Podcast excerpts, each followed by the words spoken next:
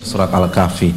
Kul hal nunabbi'ukum bil akhsarina amal. Katakan kepada mereka, apakah kami sudah kasih tahu kalian siapa orang-orang yang paling merugi? Padahal mereka sudah beramal. A'mala, beramal. Siapa mereka? Alladzina dhalla sa'yuhum fil hayati dunya. Itu orang-orang yang tersesat di dalam kehidupan dunia. Celakanya wahum yahsabuna annahum yuhsinuna sun'a. Dia tersesat, salah jalan, tapi celakanya, mirisnya mereka merasa telah melakukan yang terbaik.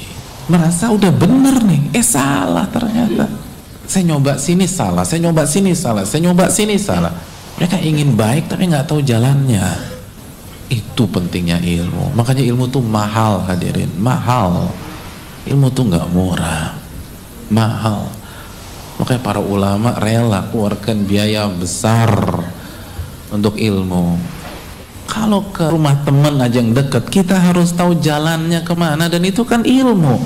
Walaupun cuma ada dua belokan belok kanan belok kiri kan tuh ilmu semua.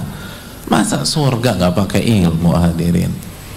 Makanya kul hal yastawi alladzina ya'lamun walladzina la ya'lamun. Katakan emangnya sama orang yang tahu dan orang yang nggak tahu? Beda